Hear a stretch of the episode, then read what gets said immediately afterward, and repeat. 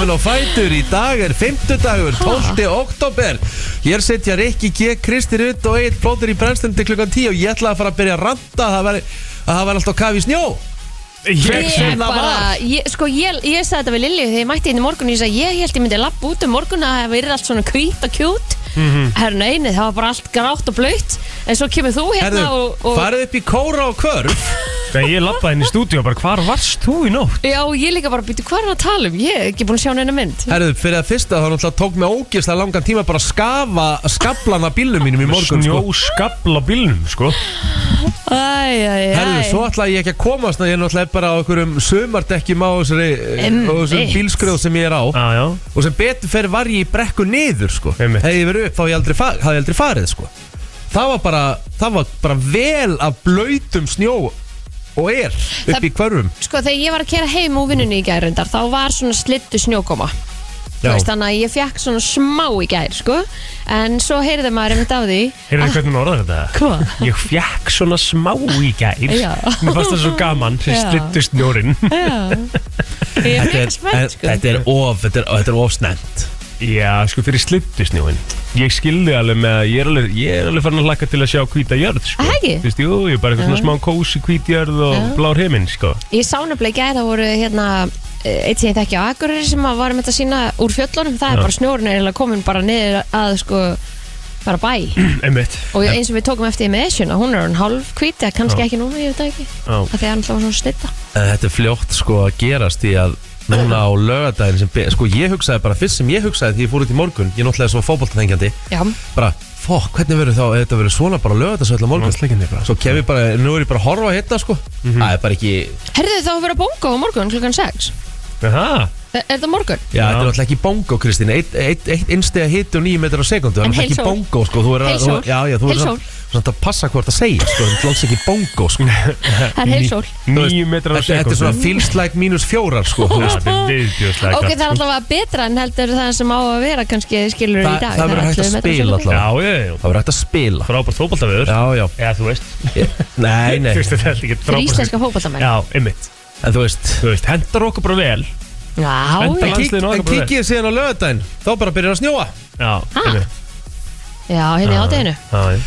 En síðan Já, svo uh, rigning. í næstu viku Svo bara byrjar að hlýn í næstu viku Og pældi bara á þriðjudag Þá bara komið 11 gráður það hjá okkur. Já, og en 14 metrar á sekundu Já, já, við veit það Feels like you're svona fjórir. Já, En byrju- pottet En betur hvað hérna tjú, Þetta er svo rosalega mikið uh, Sveiflur. stökk og sveiflur upp og niður maður að Þetta er það sem að við máum fá. Já, akkurat rétt hjá Kristínu Það sem hann sagði í fyrra gæði Nú erum við að fara í svona Þú veist, við erum að fara inn í tímabil þar sem við getum fengið svona rosalegar Svona Sveiflur. sveiflur og ofsaviður og Og við getum jáfnvel rætt þetta eins við stjórnusöfar á eftir sem hann er nú að fara að tala um hamfarir. Já, Þannig að hérna, og við erum nú búin að vera að sjá svolítið í fréttunum af alls konar veður hamförum eiginlega undarfarna mánuði. Já, já, já. Bæði í hita og kulda, sko. Já. Já, já. 100% sko Það er alltaf einhver hún, hérna á TikTokinu minni í- sem að byrti sem hún heitir Cecilia og hún er frá Svalbard. Já, já, já, herri, ég sé? Cecilia fyrir Svalbard.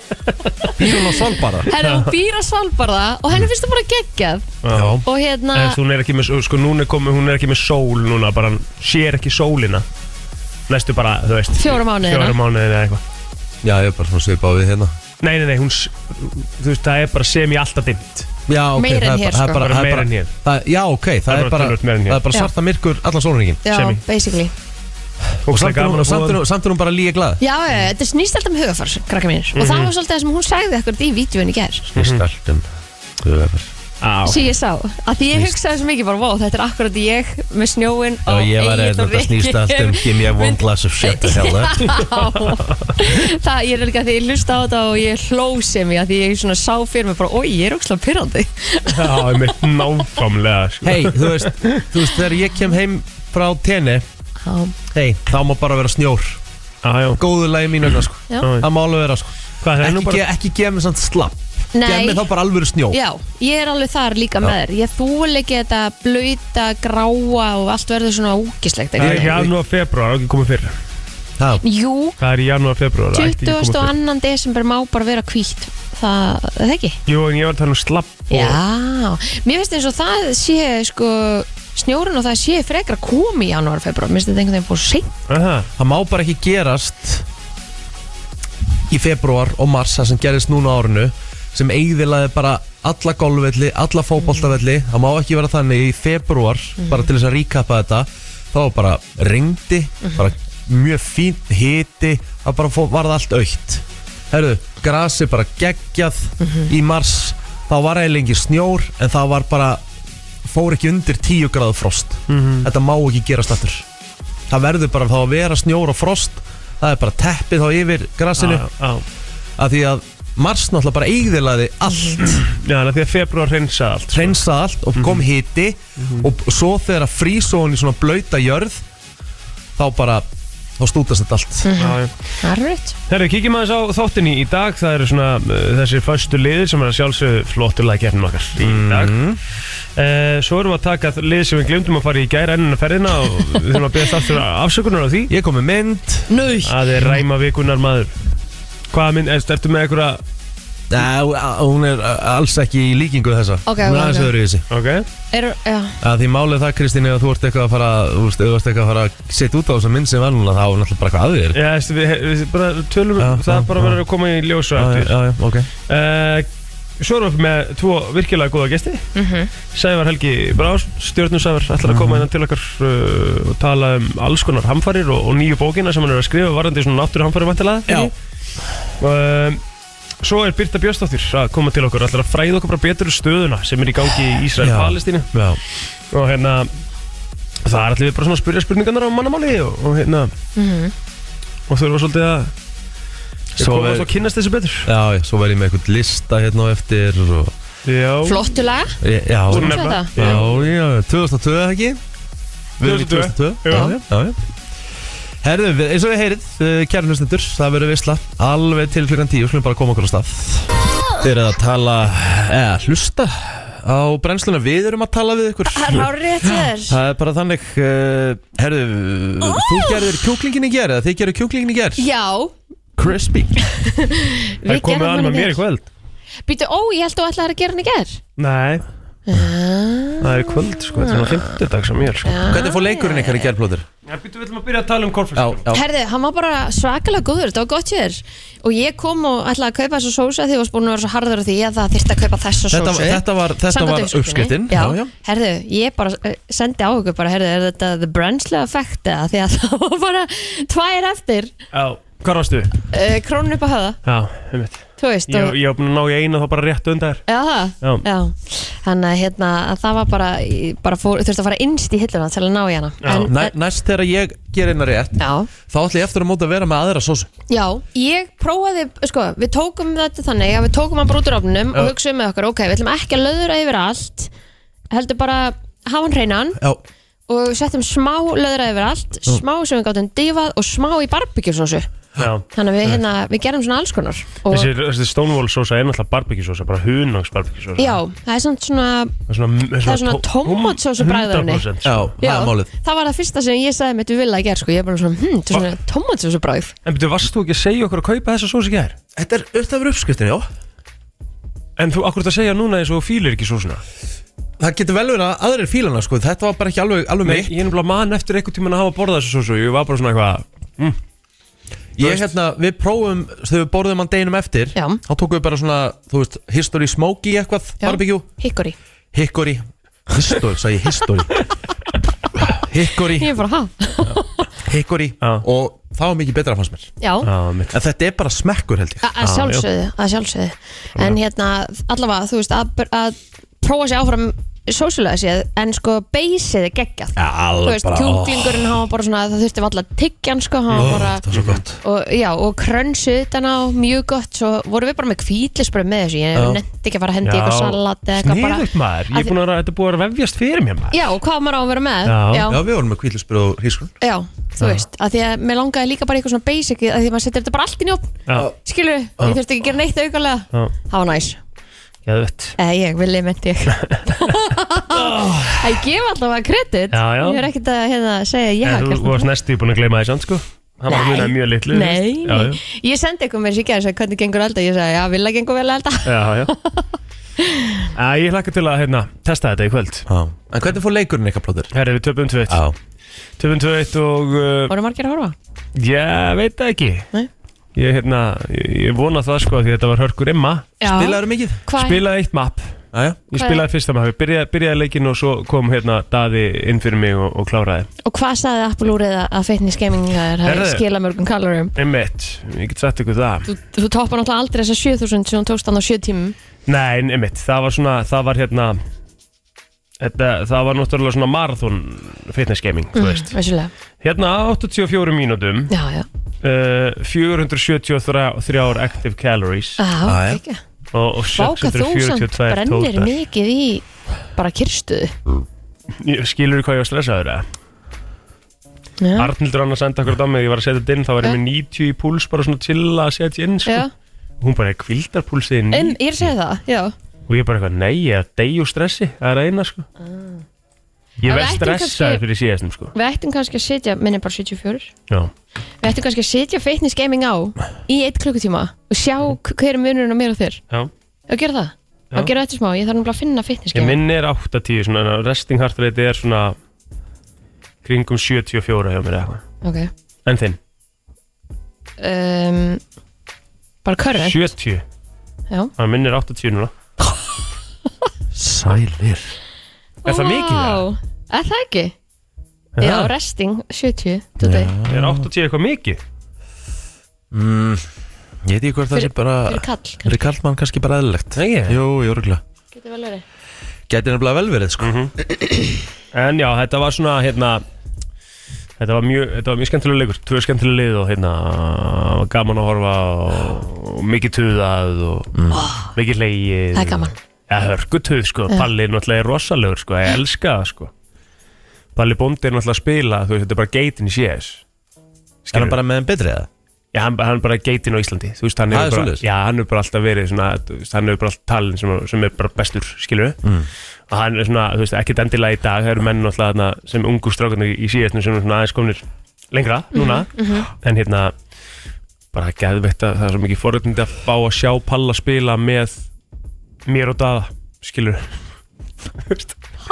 já, því að þú veist þetta er svo, þetta er bara svo þetta er skrítið eitthvað. Nei, nei, nei? Þú veist, þetta er bara, þetta er í rauninni bara eins og Ronaldo er að spila alveg keppnisleik bara með einhverjum krökkum, skilur Ok, og það myndi böggan svo ógislega mikið. Mm. hvað þurru, ok Ég skil skiljiði pælinguna? Já, já, já, já. Já, þannig að þetta er Það svona byrjaði ekki vel hér, ég við ekki það. Nei, En svo skildi ég pointi já, þetta er svona pointið er að hérna, við eigum náttúrulega ekki heim í liðum á hann sko. en það er það sem er skemmtilegt í þessu. Þetta, þetta eru kontrastar. Hann hefur gaman að þessu. Já, já, virkilega gaman. Þannig að hérna, en það fór svona það, það er ég bara með svona þægilega súp og brauð í gær. Bara Já, svona næs já, egg og eitthvað. Já, geggjað Hvað gerir þið annars? Herru, ég horfði, helt áfram að horfa á Beckham. Já, Herðu já, við kláruðum það líka í ger Allt? Við erum búin með fjóra, við, tó við tókum Já. einn per kvöld. Bara geggjaðir, þetta er svo ógeðslega gott, þú veist, að mínu mati er þetta bara með betri svona heimildatháttum sem hefur verið gerðið lengi. Sko, mér finnst það líka bara svo honest eða þau bæði í þáttunum. Bara, þú veist, Það er svona, svo nýtt eitthvað. Og ég segja líka, þú veist, við fólk þó það fíl ekki fótbolta, sko, þú veist skiptir einhver máli. Nei, einmitt. Og líka bara sjá hvað þau eru mikið fullskilda með þess Það er svo útrúlega krútlegt. Og það sem að sér mest þetta, eftir þess að þætti, er, þú veist hvað Glenn Hull er mikil rassandlit, sko. Það er bara ekta rassandlit, rassandlit sko. Já. En svo er líka fyndið að því þegar ég var að horfa senst þáttin í gerð þá fór hann, þú veist, AC Milan, París, eitthvað svona. Og ég var bara, vá, hann var auðvitað hann spilaði með öllum sliðin en einhvern veginn Manchester United er bara svo mikið hann. Já, veist, já, það er bara svona fyrir þá sem eru ekki alveg inn í fótbolta skilur þá, þá er þetta sem poppar alltaf fyrst hjá Mér manni. pældi í 1998 þá lendi hann bara í einhverju mesta brútal einelti Mhm. bara þjóðar. Þú veist þetta væri aldrei gutterða í dag 2023 sko. Nei, nei, nei, nei. Nú, hvað? Það? eftir að hann fekk rauðarspjaldið á HM 98 móti Argentínu. Já, já, það var bara, þú veist þú veist, þú verður bara að horfa á þess að þætti já sko. ég, ég byrjaði, sko, við náðum ekki að horfa í gæri, ég var að keppa. Svo var náttúrulega líka svo fyndið að þeir voru að tala um þetta krakkana og hann segir Já, ég meina, þú veist, þegar að pappiðin er, þú veist fyrirliðin í enska landsliðinu og mamma er postbæs þú veist, þú, þú getur alveg farið í ruglið. Já, en þú veist, þetta eru vel, bara, vel gerði krakkar. Algjörlega. Þú veist, þannig að hérna, þetta var svo satt eitthvað. Já, já, ég meina, þú veist En líka bara hvað hann er bara, þú veist, eða bara þau Þú veist, að fá að sjá svona eins og baku tjöldin hvernig þið eru. Já. Og hún gefur allt annan karakter frá sér Já, heldur en já, margir já, já. hafa af henni sko. Þú Það veist, er að því hún málið. var svo mikið svona Þú veist, hún gaf ekkert af sér í svo ótrúlega langa tíma. Já, já. Þegar hún var í Spice Girls. Það var bara, hún var alltaf minnst í viðtölum og svona. Og svo einhvern veginn byrjaði hún svona að lifna við. Já. Það var ekki ekki maður sem alveg svona, mér sá alveg svona um, af því sem ég er búin að sjá, þessum 25 myndum hún var alveg svona lúði hann í spæskustímulinu Hún náttúrulega var ekki, sko, hún var náttúrulega mjög langt frá því að vera aðal, sko. Já, hún var svolítið bara svona tilbaka. Já, ma- var hún ekkert eitthvað svona af því að hún var ekki svona opin eins og hinnar þú veist, náttúrulega Scary Spice bara, þú veist, tók bara allt plássið. Hver er það? hún er hérna með, hérna, krullunar Ertu að tala um Mel B? já, Ertu ekki að tala um svo sem er með fjölni Fjölnir? Þorgeirs? Jú, Já, já Scary Spice. Af því ég Sú sem notaði var með Posh- krullutnar Já, því ég notaði Posh Spice áðan Já, um já, hana, já, skilur, já, ég er já. að halda áfram. Ok, Svo var hann Sporty Spice. Já, Hún fór líka mikið fyrir henni. Já, Mel og, C og Ginger Spice já. Þú veist. Þær voru svolítið, þær þrjár voru hann svolítið fremst Og svo kom Baby Spice. Hver er það? Emma, Emma. Emma Bunton. Já. Og Posh hann svona, svona Þær voru svona aðeins meira tilbaka. Hmm. Þannig að þær voru svona Louis Tomlinson One Direction dæmi. Já, Mm. já. Vildi ekki, ég vildi ekki segja neitt annan en það heldur en Louis Tomlinson ok. Fannst ekki, Niall Horan hefði ekki þú veist, Ekki, Nei, nei, ok. Já, já. þær voru, já, þær voru svona meira tilbaka En mér fannst samt, þær voru allar Það var engin svona frontmenn Skilur, það var engin Harry Styles. Hver söng besta? þú veist, Hver er besta tónlistakonun að þeim? Vá. Ég held að það hefði verið Mel C. Já. Sporty Spice. Já, mér finnst það líklegast. Mhm. Ég myndi alltaf segja að Mel C hefði verið besta söngkonan að þeim, sko. En fóru þær eitthvað En í sóló Jerry? eða? Já, Mm, Já, já, Mel C á alveg á, á, á alveg solo, sko. Já. En Jerry, já. Þannig að ha, Jerry, mm, já, hún fór líka. Og líka, hérna, Mel B. Þær, fó- já, fóru þær ekki bara allar nema Victoria? Emma gaf eitthvað út líka. Ég held að Mel C hefði náð, náð, náð Náð lengst. af þeim í hvað var það solo, sko. Mhm. Sko, hún alltaf gerði duett með Brian Adams, Mel C, sko. Akkurat. Ok, takk. Uh, When You're Gone. Mm. Það er endar mjög gott lag, sko. Kjallag Já, Ok, geðt Já, Spice Girls maður. Þú veitir hvað liðið hvað liði þetta lengi Þetta dæmið þeirra? Spice Girls? Já, voru það lengi að það já. Já. Ég var í The Fan Club Já, já, Fyrsti og einu fanklubun sem ég skráði mig í. Ella. Og, og, sko, og það var náttúrulega ekki Það var ekki, þú sendir ekkert e-mail, sko. Þú Nei, veist að segja fyll út fórum og sí, senda senda það í posti Það er þetta rosaleg pæling maður. Herru, Já, við, gaman. við ætlum að uh, halda áfram fyrir mig í helstu ammælisbörn eftir smá stund og skulum bara heyra Nei. C Stórt og Brian Adams Þetta er bara When You're Gone Klukkan á vandar rétt uh, 10 minútur í 8 og við ætlum að henda okkur í uh, umræðuna Það er nú ímislegt sem að hefur verið eh, Já, til umræði núna Já, Þetta farið sólarring og þá kannski aðalega veðrið hér og hvað er what's to come Já, Já, já. og, og uh, hvað gerist núna á þingi? Hva, hvað ætla Akkurat. Bjarn að gera? hvenær kemur það í ljós? Þú veist Já, og svo er líka bara svo mikla að skipta skoðunar því hvort að sé verið að taka ábyrð og fer bara yfir í annar aðaneti Þú veist, Já, þarftu þing- bara að hverfa og þá ertu að taka ábyrð Já, þingmenn uh, stjórnarnanstöðunar uh, töluðum á þingi í gær að það var eitthvað sem sagði að Bjarni getur ekki bæði átt kökun og getið hana. Nei, nei. Nei, hérna Ég hef aldrei skilið þennan frasa veginn. Hvað þá? Átt kökun og getið hana? Ah, Okkur getur það ekki mm. Ég Ég, ég veit, ekki skilur. hva, veit ekki hvað gerist ég meina, Erum við að vera eitthvað low IQ hérna núna Þú veist, ég bara svona velta þessu fyrir mér ja, Nei, nei, en það er svona, jú, það er náttúrulega sjálfsög svo Ísrael-Palestínu dæmi sem við viljum að kra, bara, sko, krakka vel á eftir fara bara vel honni í sauman á því með, með Byrtu Bjóstóttir þannig að hún er að koma innan til okkar og við viljum að svona, svona, fara yfir það á okkar máli Þú veist, Ég meina, eins og- hvað finnst ykkur? Ég meina, þú veist, ok Það, það, var- það var, hérna kom í ljós að, hérna, hann var hvað talin vanhæfur Mhm. á þessari bankasölu. Mm -hmm. Einhvers þar heyrði ég sko að að, já, hann, hann fekk ekki að sjá. Ef hann hefði kíkt á hverjir hefði bóðið þá hefði það verið ólöglegt, þá hefði hann brotið lög. Þannig að hann hefði vantilega ekki geta farið og opnað bara hverjir er búin að bjóða. Nei, uh, ég heyri til dæmis bara að hann sé allt annað en sáttu við pappa sinn. Á, um mitt Þú veist, Já, að hafa, hafa komið honum í þessa stöðu. Á, meinar. Og ég meina hann, hann fer úr fjármálaráðunitinu hann hefur núna ekkert lengur með fjármál Íslands að gera. Nei. þannig að hann hérna og á- áfram með þessa sölu og þetta þá er hann ekki þar. Og ef hann fer yfir í annar ráðuneyti en er hann þá ekki bara að vinna alltaf aðra vinnu? Þú veist. Einmitt. ég, ég, veist, ég er að velta þessu fyrir mér sko. Ég, ég skil þetta ekki alveg veist, það, það, það er náttúrulega alveg, þú veist, eðlilegt að fólk hefur mismundi skoðanir á, á Bjarnar Bend sinni, skilur, Já, það er bara, já. þú veist, það er bara Já, svo já. gengur gerist í öllum, af öllum pólitíkusum í heiminum, já. En það sem má ekki taka Bjarnar Ben er að, er að hann er búin að vera lengi í pólitík, hann er hörku duglegur pólitíkus, hann, er, hann kem- kemur vel til fara, hann er svona, ofta er hann ekki, er hann svona vel að máli vel farin að máli farinn og þess að það skilur já, þannig að hérna auðvitað er þetta hörku pólitíkus hann var ekki búin að vera í svona, svona lengi í svona stóru stöðum mm. -hmm. veist, formaði sjálfstæðisflokksins og hérna, mikil virðing borin fyrir honum innan flokksins skilur þannig að það er svona kannski það sem að svona mín tvö senti í þessu sko er að, er að þú veist, jújú, jú, menn geta gert mistök og hvort að þetta verður mistök sem að voru að uh, hans uh, hálfu svona ómeðvituð mistök kannski þrátt fyrir að maður veit náttúrulega aldrei nákvæmlega 100% sannleikan í öllu þessu dæmi en það á svona að geta að fara úr einu jobbi, þú ert náttúrulega bara þú veist, þú ert með eina dild, skilur, sem þú kemur þá bara ekkert nálægt lengur, skilur, það er bara einhver annar að fara að sinna því. Hvort að þú getur farið í eitthvað annað embætti og gert það ágætlega, skilur hann var kosin, þetta, eru flokkarnir sem fengu þessi flestu atkvæði, skilur það er bara hvað er ekki bara hvað ári kostningar einmitt, þannig að það er, þú veist, ég meina það er ekki og ég meina ef að hann tekur ekki við neina embætti þá er það fine by me og ef hann tekur við ykkur embætti þá er það líka bara eiginlega fine by me sko. Já, Æ, skiljið, já, algjörlega. Já, ég er einhvern veginn svolítið þar já. Renslan að pæla í pólitík Já, já, það er bara allt Það er líka, þetta við kemur okkur öllum Ég meina, það er bara alltaf lægi aðeins að velta steinum ég sá ágættis grein hérna svona ef við förum aðeins í, í léttleikan sko. hún, hún, hún, hún fjallar um sko, einfaldra liði til að alveg gáðið börn Wow, ok. Þú veit að tókst þú þetta. Já, Mm. af því nú er, já, nú er ég að hafa svolítið áhyggjur sko. Út í gen- Nei, nei, ég segi það nú ekki.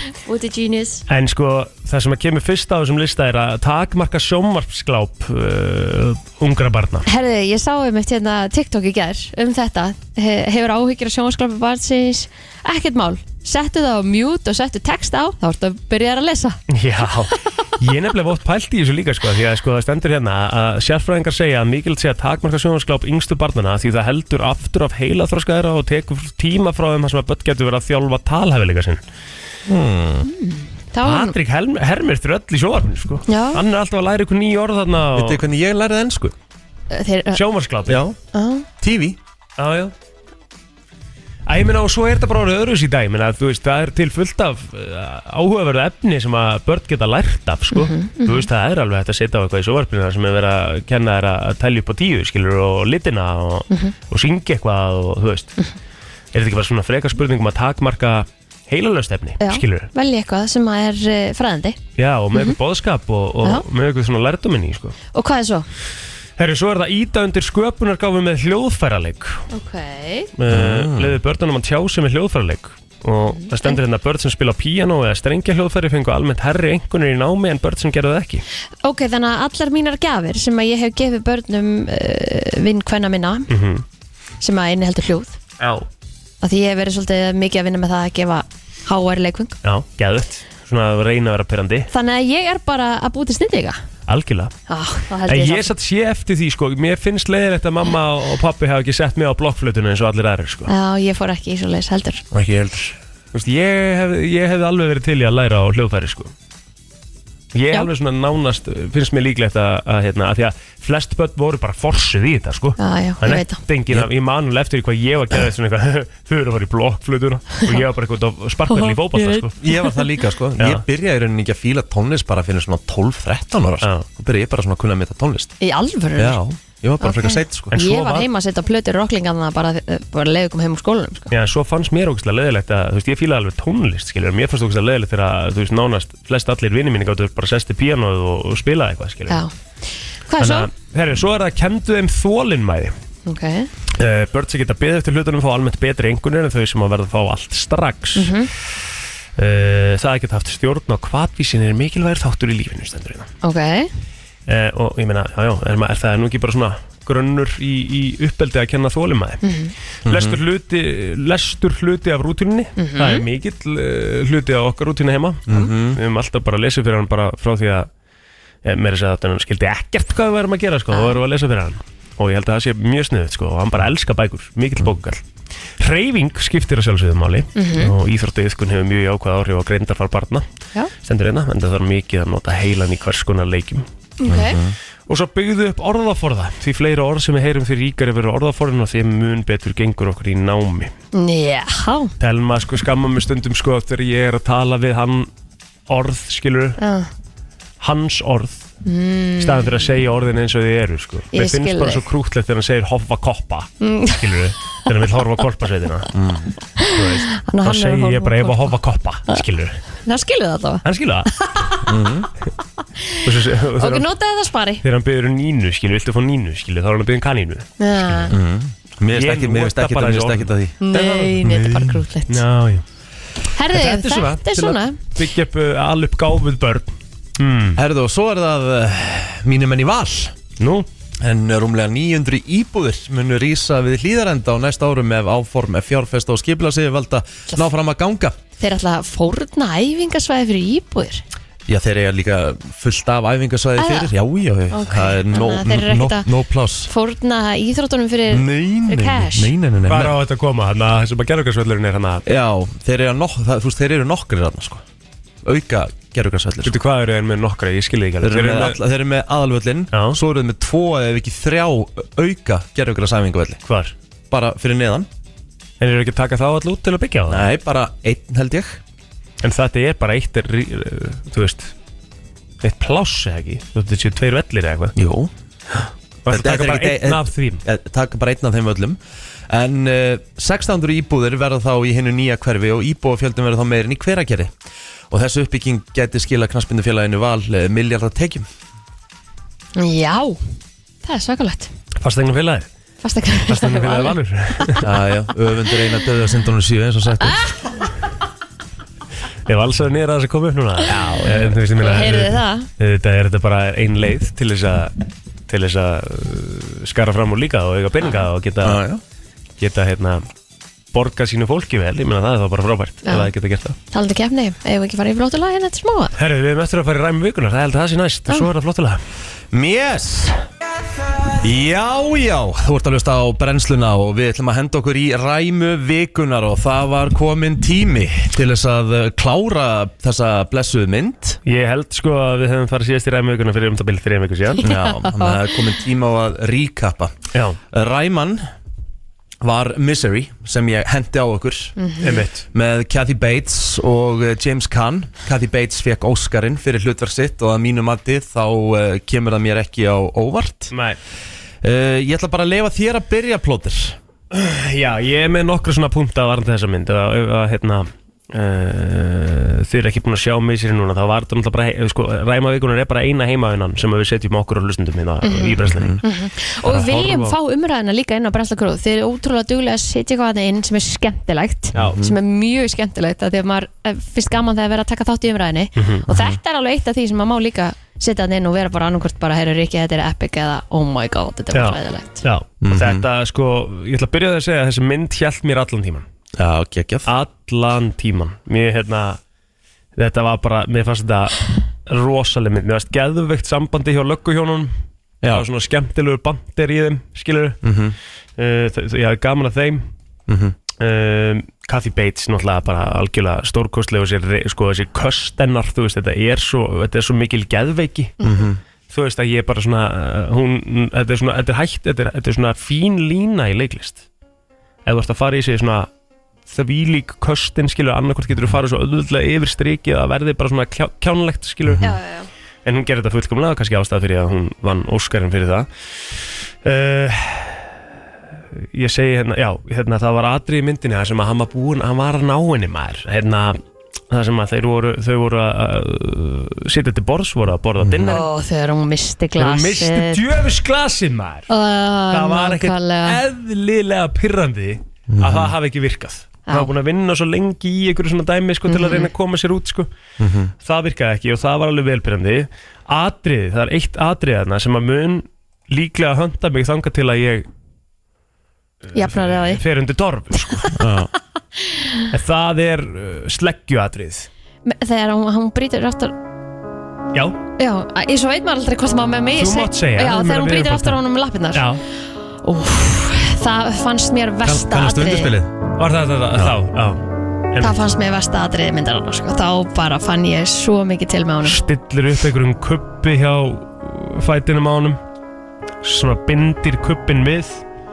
Svo hann geti nelt sleggju í öklan á honum og svoleiðis að rústað á honum öklanum Þetta var ógæðslegt atriði maður. Já, sammála því. En ég ætla að segja að þetta Misery að mínum mati must símynd ef þú ert ekki búin að sjá hana 100% verður að sjá hana. Ég ætla að gefa henni 4,5G af 5G mögulegum. Takk. Já.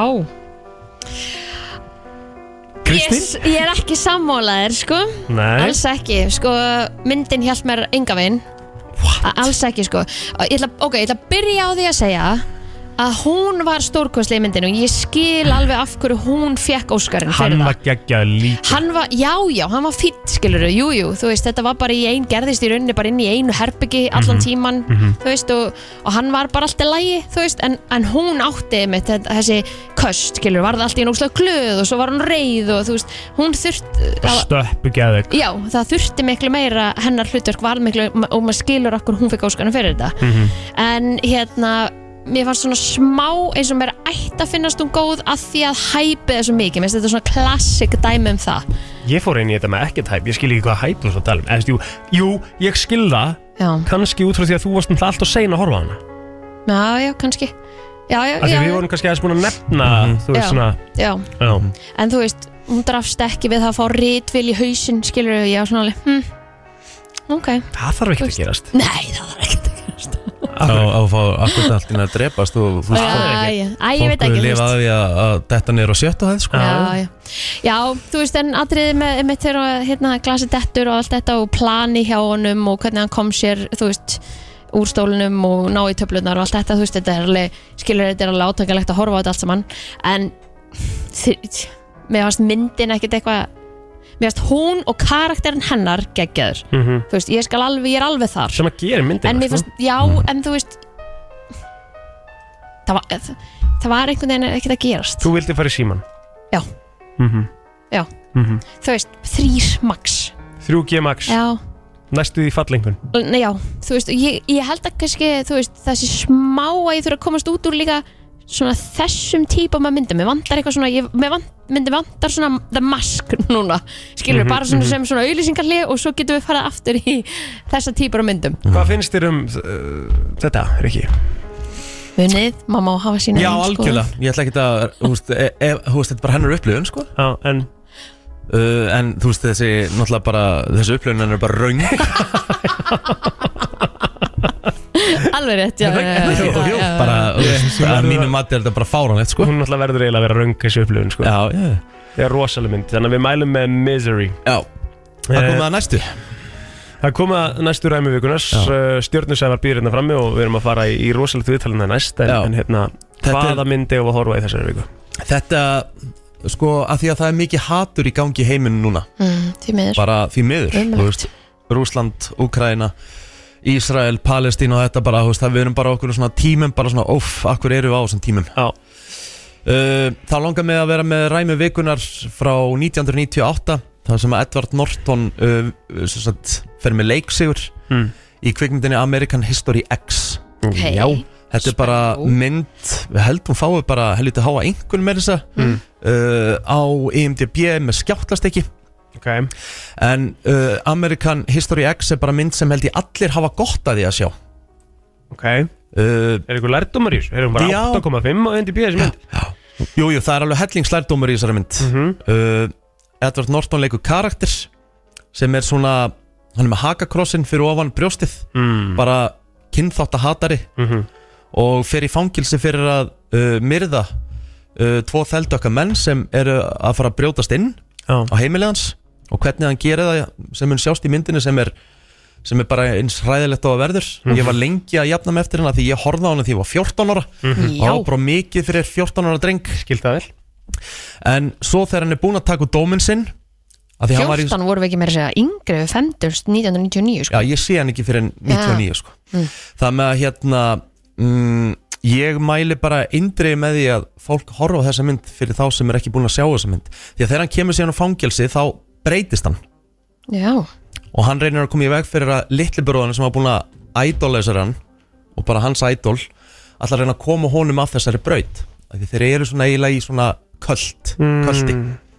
Og þetta er bara, þetta er sturli mynd. Hún er stundum í lit, hún er stundum í svartkvítu já. Og að mínu mati er þetta bara svona eina betri myndir sem ég hef séð Ok, stórt. Spennandi. Já, American mjög svo. History X er ræma vikunar í brennslinni Og uh, allt um þessa mynd og, og hérna uh, bara svona smá info þess að dar það fer hún á Brennslan Grú þannig að vera vissum að uh, vera þar inni til þess að vera með okkur í, í ræmi vikunur Förum alltaf í þetta á miðvikudöfum, við erum svona vorum aðeins og segni gerð þannig að það þarf að horfa á þetta fyrir miðvikudaginn næstu viku þá tökum við fyrir ræmi vikunar Já, Takk hjálpa fyrir það Jæja, þá er komið að eh, því mánaðarlega í brennslunni og eh, ég ætla að segja að ég sé stoltur mjög stoltur á þessu sæni sko. Já, ég sammála því og sérstaklega svona í ljósi þess að í- við græðum rosalega á því að hafa hann, af því að við verðum alltaf gáfaðari. Það er bara nákvæmlega þannig. Uh, Stjórni Sævar er mættur. Sævar Helgi Bragason, verður velkominn. Takk fyrir það. Sko þú byrjaðir sko án þess að við fórum inn í umræðina þá byrjaður að koma inn til okkur. Við erum basically bara búin að vera í umræðu á meðan að launin er í gangi. Ég tók Já. tvö lög að því að við þurftum bara aðeins að jú, jú. Já, Af því að þú mættir inga með loftstein. Já, passar og hérna, þú veist, og þetta er í þessari fyrsta skipti sem ég handleik loftstein. Æ, Sama hér og ég, maður varð svona smá wow. og svo líka þegar maður tók á mótunum það var það sem að mér fannst sko mest áhugavert við þetta, hann var Hann svo er þungur. Einmitt. Er sem sagt meiri þyngd, ok, nú spyr ég eins og gagfræðingur. Já, bara flott. Það er með það er sem sagt miklu meiri þyngd upp í geimnum. Ekkert endilega, þetta er bara hreint játn En svo eru til hefbunni loft, uh, aðri loftsteina sem eru bara svona eins og venlegt grjót sem við finnum á jörðinni, þannig að þeir eru allavega Þannig að sumur eru léttir, aðri eru þungir og þessi þungur af því hann eru í járni Gæti, það, þú veist, gæti komið járnloftsteinn og myndi skella á jöruna, það er alveg skellur Já, það er alveg skellur og það hefur enda gerst Já. Það hefur svo heldur betur gerst Þessi steit sem ég held á hérna núna Hann fjall í Argentínu fyrir cirka 4000 árum síðan Já. og svo fann fólk þetta á svona 16. öld og notaði þetta til að bræða steinina og búið til sv- sverð og spjót og þessu þar Mhm. En þetta efni er þó miklu meira eldra en það Já, í þetta rauninni. er bara 4500 miljónar gamalt af því að í þessum steinum eru klukkur geislaverkar klukkur sem segja Hvað, hvað getur selt þetta stykki á? sko, þetta er ekkert rosa dýrt, það er til svo mikið af þessu. Þannig að- þannig að þetta var eitthvað, þetta litla stykki sem er kannski eitthvað 250 gram, svona eins og góð nautastek að það var á kannski 40-50 skall eitthvað leis Já,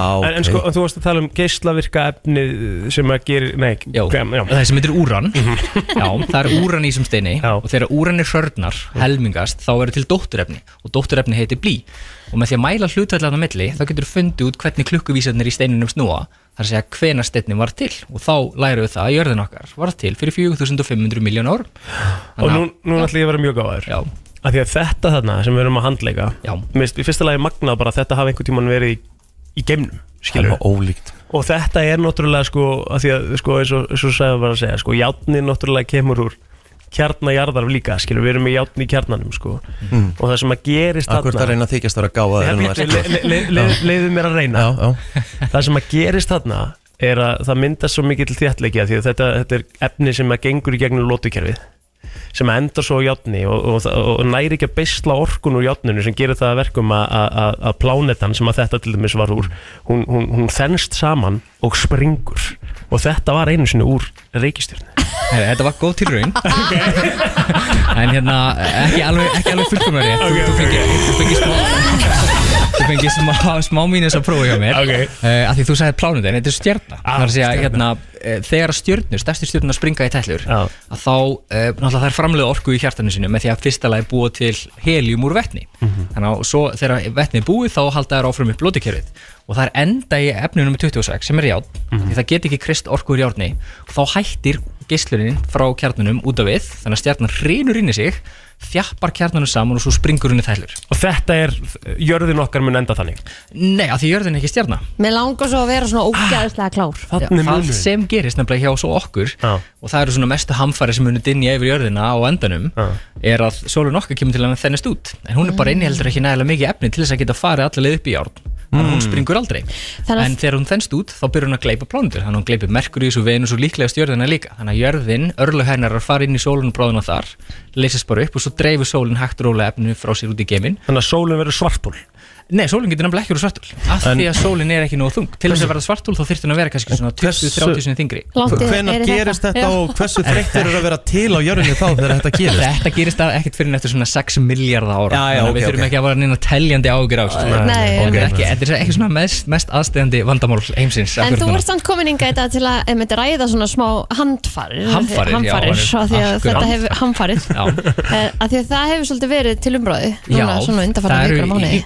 að að að hamfæri sem að dinja á okkur náttúrulega bara náttúrun er þannig. Mhm. en þegar við skoðum sögujarðarina þá hafa ótrúlega marga, margir atbyrður orði sem hafa breytt gangi lífsins og leitt til þess að við erum hér. Og kannski fyrsta, fyrstu svona stóru hamfærni sem urðu eftir að jörðum var til urðu bara 50 miljón árum síðar. Og þá skalla okkur hnöttur önnur reikistjarna sem var sérska helmingi minn en jörðin. Með því máleingum að jörðin byrjaði að halla fyrsta lagi sem veldur því að við fáum vetur sem voru haust og það er að hausta hérna hjá okkur núna hressilega. En í leiðinni þá skvettist efn út í geiminn myndaði ring umhverjus jörðina úr þessum ring þjappast saman fylgirnötturinn okkar sem er tunglið. Þannig að tunglið var til á þennan hátt. Mm, svo er tunglið nefnilega og það, það er enda mjög áhugavert að því að hérna fyrstum sinn þegar jörð var að myndast þá snýrist hún miklu hraðar. Þannig að eitt sólarhingur á jörðin þá voru cirka 5 klukkutímar. Þannig að jörðin snýrist 1750 sinnum um sjálfa sig á þeim tíma. Þannig að eitt ár þá var 1750 dagar 1750 snúningar. En svo að því að tunglið tógar í jörðina og tógar í sjóin þannig að sjórin virka pínlítið eins og, bremsa fyrir jörðina. Þannig að dagurinn jörðin hefur smá saman lengst. Og fyrir cirka 400 miljón árum voru cirka 22 klukkustundir í einum degi. En, og fyrir 66 eða 100 miljón árum þegar risalarn voru uppi þá voru cirka 23 klukkustundir í einum degi. Og núna náttúrulega 24 tæflega Og verða ekkert hann 26 og 28 Akkurat sko, þannig að hægt og rólega bara er, er snúningur jarðarinnar að hæja á sér þannig að dagurinn okkur lengist. Þannig að eitthvað vantar fleiri sólarhinga eða fleiri, fleiri klukkustundir í sólarhingin þá bara býðum við nógu lengi. Fakt. En þessar hamfari sem við erum að tala um líka bara núna þú veist, við minna það sem við höfum séð bara í fréttum på síkastíði og Já. bara allt sem er búið að vera í gangi í heiminum það er búið að vera náttúrulega bara eh, gróðureldar og flóð og að eitthvað svona Akkurat. dæmi Þessi veður ofsar. Já, það eru að sjálfsögðu hamfæri líka en allt annars eðlis en svona þessi stóru, stóru hamfæri sem að ég er að tala um hérna. Það er eitthvað sem verður náttúrulega dagstæðlega og reyndar eru við aðeins að íta undir það sem er náttúrulega ekki gott með því að dæla gróðrúslofttegundum upp í andrumsloftið og auka bara orkuna, pínlega þess að stíga á bensingjöfuna hérna fyrir veðrið okkar og það er ekki gott þannig að það er alltaf aðrar hamfærir heldur en og miklu minni í sniðum heldur en þessar svona stóru, stóru að En í jarðsögunni er þetta eitthvað sem að kemur og fer í tímabilum eða- já, það er nefnilega við, þegar við rínum í söguna því allt grút segir sögu og það er hluti ástæð þess að ég kom með hennar stein hérna það er bara hann segir okkur sögu og ef við höfum bara pínleitla þekkingu efnafræði og elusfræði og ég er fræði og svona, að þá getum við lesið söguna og, og flest allt grút í kringum okkur segir okkur fyrir eitthvað merkilega sögu til dæmis bara varðveiti sögu jarðarinnar. Þannig að í þessu tilviki að þá sjáum við bara sönnunum hverju því að þetta hafi gerst fyrir 4,5 miljardum ára að tungli hafa voru til við þennan árustur til dæmis grjóti sem að tunglfarni komið með heim. Uh, en svo þegar við förum lengra inn í sögujarðarinnar eða, eða nær okkur tíma þá sjáum við alltaf aðrar hamfari til dæmis eins og við vitum það að fyrir, svona, fyrir cirka 600 miljón árum þá varði jörðin alveg snjóbolti. Já. Bara einn klaki, einn risastór klaki í geimnum En núna ertu að tala um, um eitt fyrir svona mörgum árum síðan. Já, Erum við komin inn í eitthvað tímabil þar sem að eitthvað svona eitthvað svona getur? Já. Nei, sem, sem, sem betur fyrir ekki. Ekki svona hrikalegar hamfarir en svona steinar getur náttúrulega alltaf fallið á okkur úr geimnum og við erum að leita, við erum að vakta heiminin ótrúlega vel. Mhm. skannan bara og á næstu árum þá verða e, nýjir sjónungateknir í nótkun sem munir skanna heiminin á þryggja náttafresti Mhm. til þess að leita öllum þeim steinum sem getur mögulega gerst svona miklu fyrir En eru þið að sjá einhverja breytingar á því sem er að gerast í kringum okkur? Eru við að hafa einhver ennþá meira áhrif. Uh, ekki önnur heldur en bara umhverfisáhrif. Já. það er svona eina áhrifin sem að við erum að hafa á okkur, bæði í geimnum alltaf, við erum að senda fullt að gerfutuglum hann út og búti rusl og svo leis en svo er bara hérna alltaf bara að dæla eituröfnum og öðru slíku, breyta hafinu, breyta lofthjúpnum breyta mm moldinni og svo framvegis. Það kann ekki góður líka stýra. Nei, en sko, og, og, og, og áhyggjurnar af þessu eru mjög miklar. Já, já, Það er mjög, það er mjög mik miklar áhyggjur. Af hverju eru þær svona svakalega Það eru svona svakalega að að matvæli hér og þar í heiminum. Mm við bara hefum séð náttúrulega svo flóð í hérna, uh, flóð í uh, Greiklandi sem dæmi, sem hafa bara eðilagt uh, ræktasvæði fyrir bændur. já. þannig að það er bara svona sem þetta byrtist okkur. Þetta hefur áhrif á efnahægin okkar og lífskeiði og ég held við viljum það ekki sérstaklega mm komið í vekk fyrir það. Sko, ég var búin að punta bara eina spurningu til dæmis. Veist, eh, Bara sem ég var með ákveðna.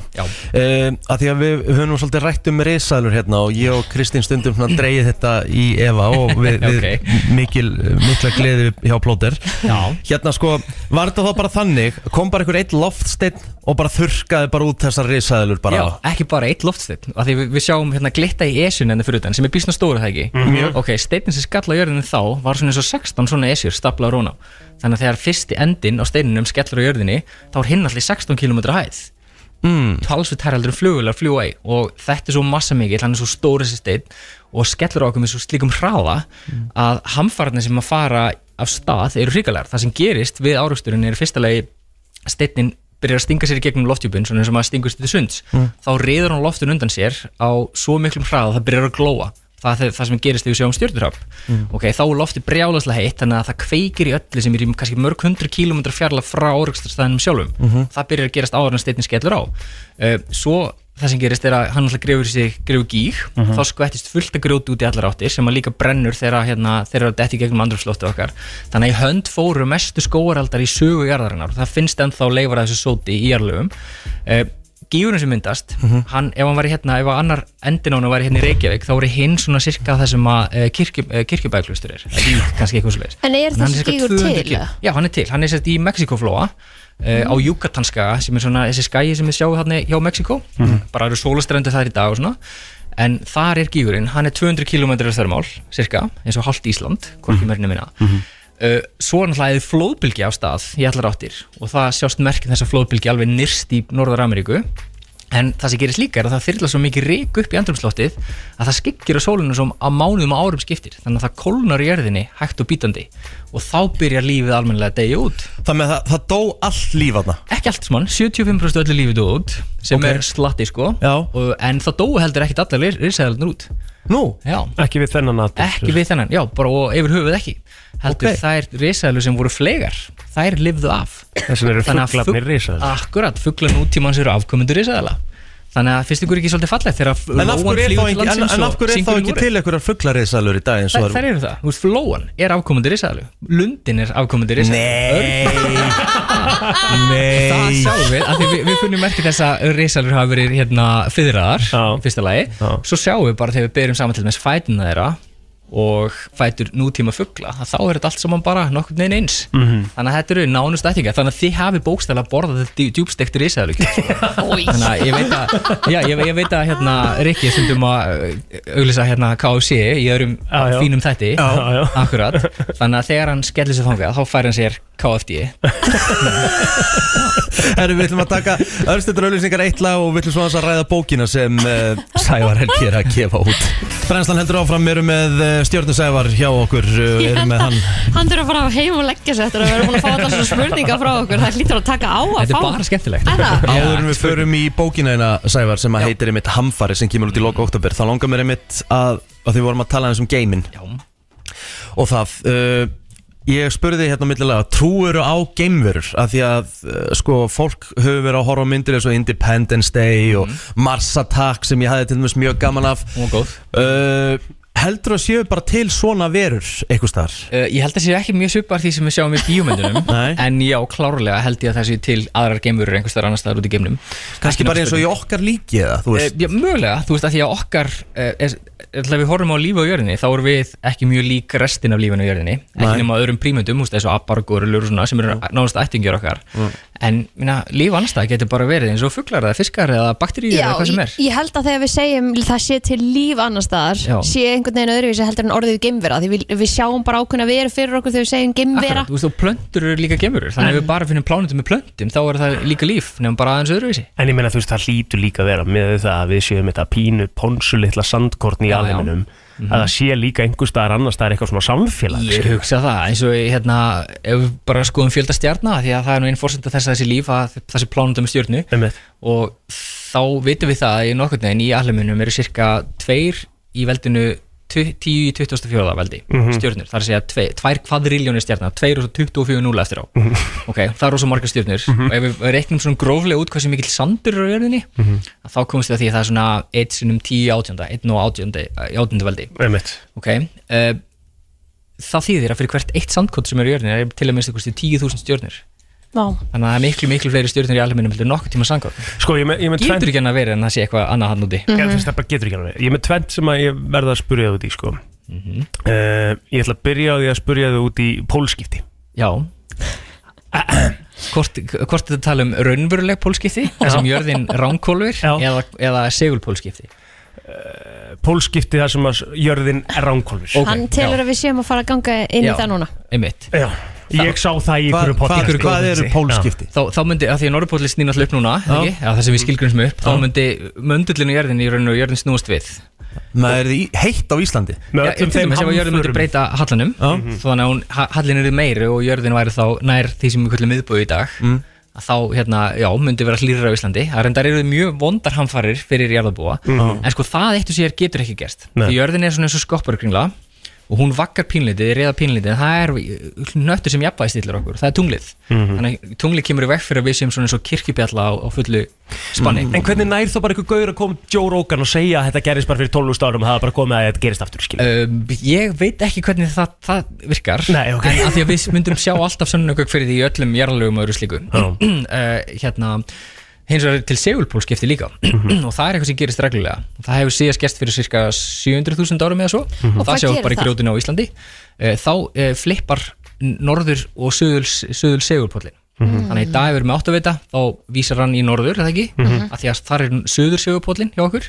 En svo þá öfugt á hinum hérna, hnettinum, eða hinum einu hnettinum segi og þá myndi þessi segulpól snúið sér við og það er bara og gerist út af því að járni í kjarnunum okkar breytist, þar að segja snúninguna, þetta er svona eins og súpa. Það sem að efni stígur upp og sekkur aftur og það er eitthvað sem gerist í kjarnunum sem við skiljum ekki nákvæmlega sem að veldur til hann snýst við og þá breytist segulsvið. Og er það hlæðilegt? þú veist? Nei, það bara veikist aðeins og færist. Þannig að við getum bara séð segulpólinn til dæmis það sem að segjum Afrika er. Einhvers stað þar í staðan fyrir okkur þá myndum við ekki sjá norðurljós í einhver ár og ára tíu jafnvel, eitthvað þannig, en það kemur ekkert sérstakt fyrir lífið.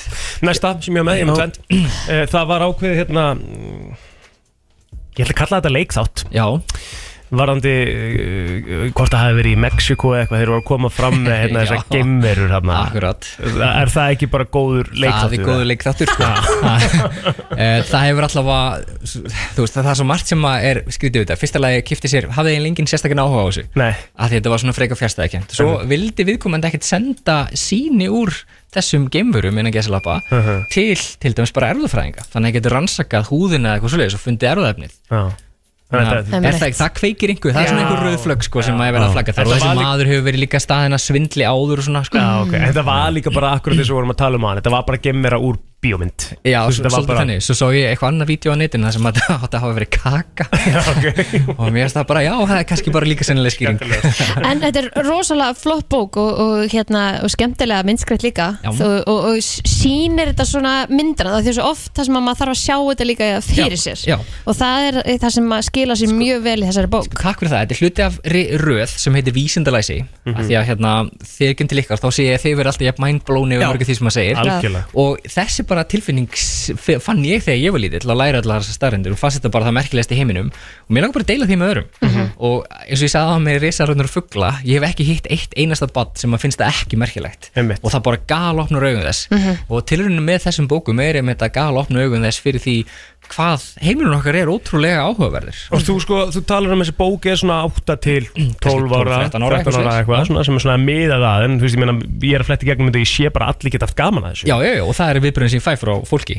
Uh, þar sem krakkar að lesa þetta í heimalestri fyrir kannski mömmu og pappa uppátt Já. og þeim finnst þetta alveg jafn áhugavert þannig ég fæ ekkert síður skeiti frá sko, fóreldrum sem bara eru mjög þakklátt fyrir uh, þessar bækur Er bókin komin út? hún kemur út núna í lok oktober 27. og 8. eða eitthvað svo leis Og heitir Hamfarir. hún heitir Hamfarir, já, hún fjallar eins og við segjum um það hvernig tunglið okkar var til þegar jörðin var snjóbolti, hérna, árekstra regn sem verðum fyrir fljótilega eftir að jörðin var til eftir mm. myndu tungsins uh, fjallar líka um það hvernig risalarn út út hvað það eru upplöðu þennan hör, hörmungar dag Já. sem gekk yfir fyrir 66 miljónum árum en leitið til þess að hérna, við öll spendýra fór í, fór í loftið eða fór í hönd og við erum ákomundir dýrana sem lifðu allar þessar hamfarir af. Og það er bara ótrúlega áhugaverð saga. En hva, hvað gerist sko í, annars vegar bara svona einhverju þroska hjá okkur er að þessu þú veist að nefna hann, svona í kringu 13-14 ára aldur þá hættu svona einhvern veginn á nenn að pæla í þessu og svo kviknar þetta aftur einhvern veginn og já. bara, Þetta helst í hendur við kynþróskan held ég. Maður fer að hafa áhuga á öðru Já. meiri líffræði kannski sem að Einmitt. verður til þá á þess að maður tengi endilega við líffræðina. En hérna, svo er bara svo margt annað sem að kveikir áhuga, tölvuleikir og hérna að já. prófa sig áfram og vera pínu uppreist og svona. En það er innbyggt bara í ykkur öll eins og þið vitið og finnið alveg sjálf. Þessi svona innlaga forvitni um það hvernig heimurinn virkar hann blundur í okkur öllum og við þurfum bara svona pínu að draga framstundum áður en að við þurfum að fara að kveja en áður en að við gerum það þá verð ég að spyrja bara sko er ekki erfiðasta jobbið við að gera svona bók? Já, að koma öllu sem við erum búin að að tala um hérna í svona bara basically 70 og 80 blaðsjöður Jú, það er helviti snúið Er það ekki? Jú, en það var hann tvöfall lengri fyrst Já, það er alveg bara þannig. skera niður og þá Þannig að þarf maður framhald? ofta Já, ég er með margar hugmyndir Ég er þegar búin að ákveða að bækurnar tvær sem koma næsta ári Já. og uh, önnur fjallar um ég vonandi stjórnar, þar sé hvernig við vitum bara hvað stjórnar eru og, og mikla kvæðlu svona, hvernig við vitum hvernig heimur var til Mhm. Svo reyndar Anni, ég ætla ekki að gefa upp uh, ég skal segja ykkur hérna titilin á henni þegar við erum búin af því ég vil ekki neitt steli þeim titil Ah, sko. nice. er skemmtileg og svo er hann önnur hugmyndum sem bara bókum þig, bara hvernig þú varðst til Það því þú vorst að spyrja þig hérna í hlinu áðan hvernig Já. var ég til og þú veit að fara sko, sko lengra aftur heldur en mamma og pappi sko. Ástæðan fyrir að ég er búin að vera svo, svona þögull Ég er bara búin að horfa á eirun að þér Af því að þú sagðir sko að, að því að sko þú, já, já, ég veit að bara eirun á Kristínu whatever, að því þú sagðir að eirun okkar er eiginlega bara uggar. Já, veist, já, erum að- við- minnstu bein líkamanns eru þróið í uh, forfeðrum okkar að fiskum? Af fiskum, já. Manneskjan kemur basically af fiski. Við erum öll komin úr hafinu. Og við erum öll með leifarnara ennþá inn í okkur. Þegar við hyggstum, þá var þetta viðbara sem var til í sjó. Já, Herðu, Segið eins og þið læri ekki eitthvað á brennstri nákvæmlega. Sævar Helgi Bragason uh, Kæra þakki fyrir komuna Og Mín við ánægjan. hittum þið aftur í november Með eitthvað skemmtilegt, þá Já. bókin komin út. Yes. uh, Er þetta hérna forpanta þessa bók eitthvað staðar? Uh, eða? ég vona að forlægið bjóði bara upp á það fljótlega þannig að farið þá inn á forlægið.is ég vona að það gerir sem allra allra fyrst. En svo farið fyrir því alla bókabúðir og við Já. plöggum þetta eins og hægt er. Nákvæmlega. Til hann með þetta. Takk, takk. Brennslan uh, hér á uh, fimmtu degi fyrir að steytast í helgina. Vorum í mjög áhugaverðu spjalli við Sævar Helga Bragason, Stjörnusævar og uh, ekki verður þetta svona minna áhugaverðara uh, allavega aðteglisvert uh, spjall. Og eitthvað bara sem allir þurfa bara eiginlega að hlusta á. Já, við erum svona svolítið búin að vera að geima það að tala eitthvað mikið um Ísrael-Palestínu.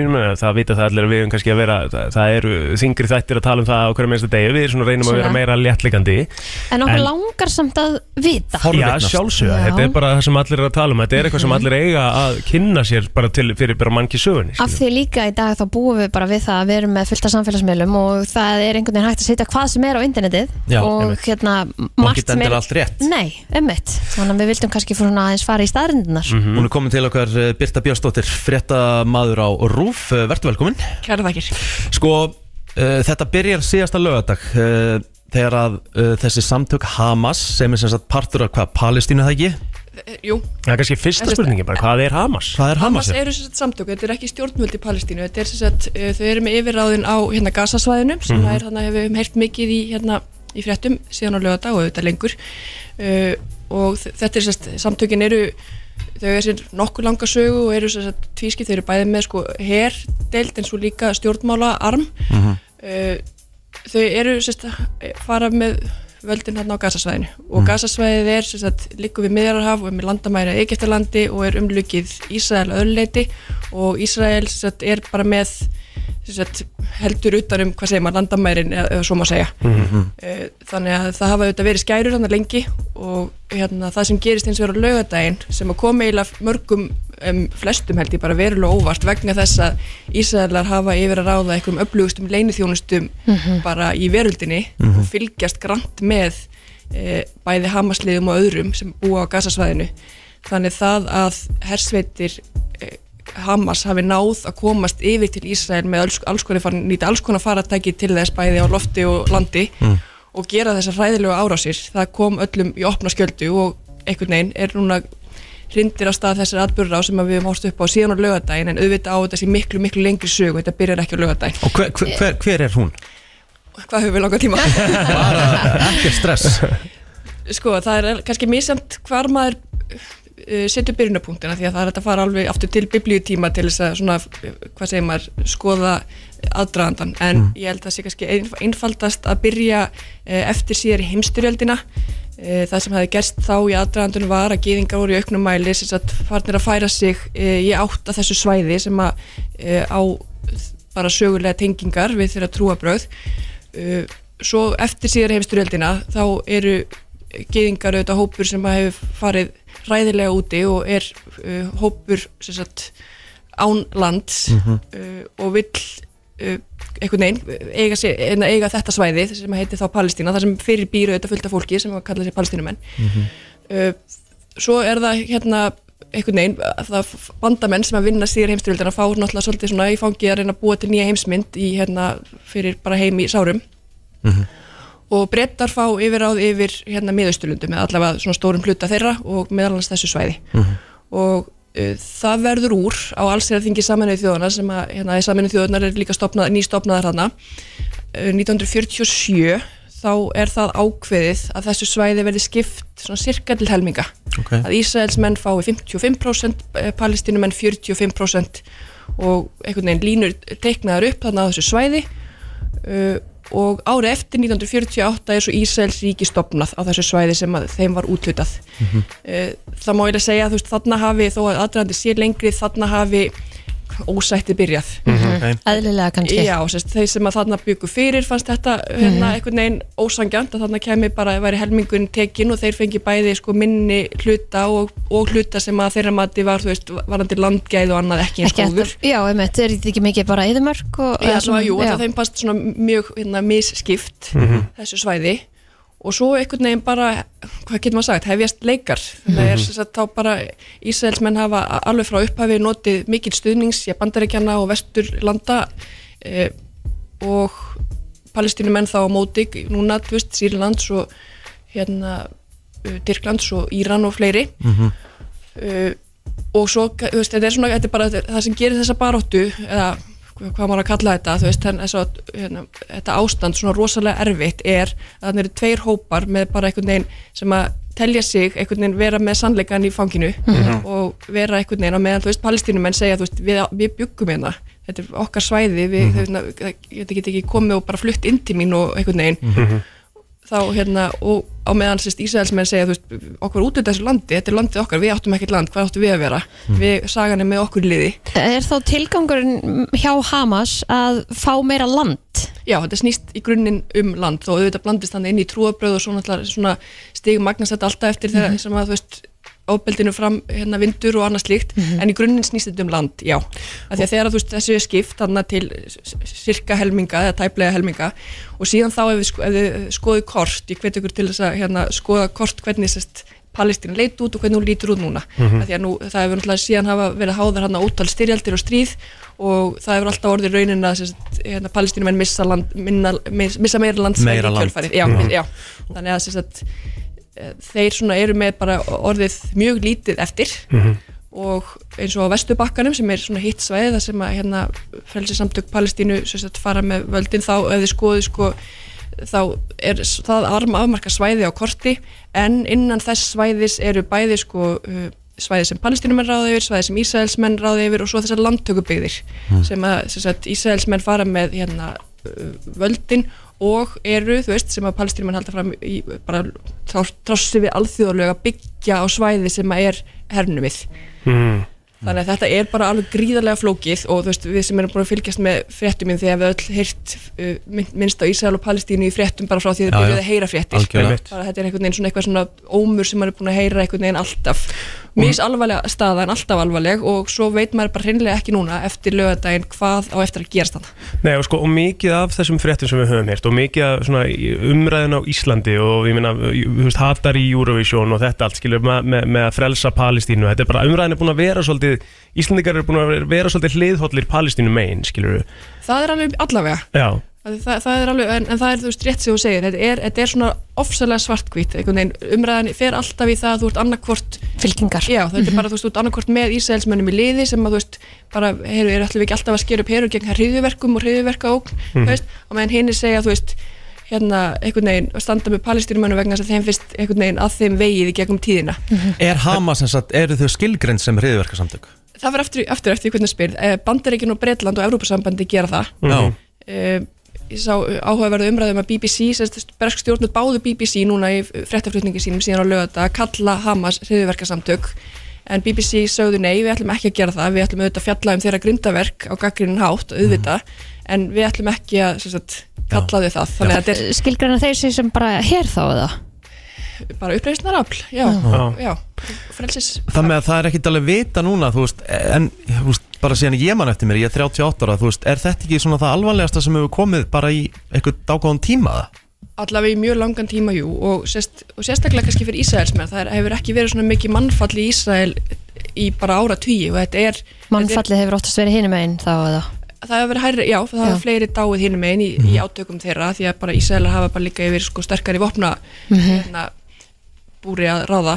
Og stuðningi við þetta líka? já, hafa, hafa sterkar stuðnismenn En ef maður pælir aðeins í bara fólkinu í, í, í þessu landi eða þessum tveimur löndum ef maður má ekki að segja það. Uh, við vitum við eitthvað hvernig þau upplifa þetta? Hvað, hvað, hver að þeirra skoðun er? Vilja þau bara eru þau í rauninni á móti þessu? Þú veist, vilja þau bara lifa í sátt og samlendi og að eða er, er, er fólkið, er samstað um þetta?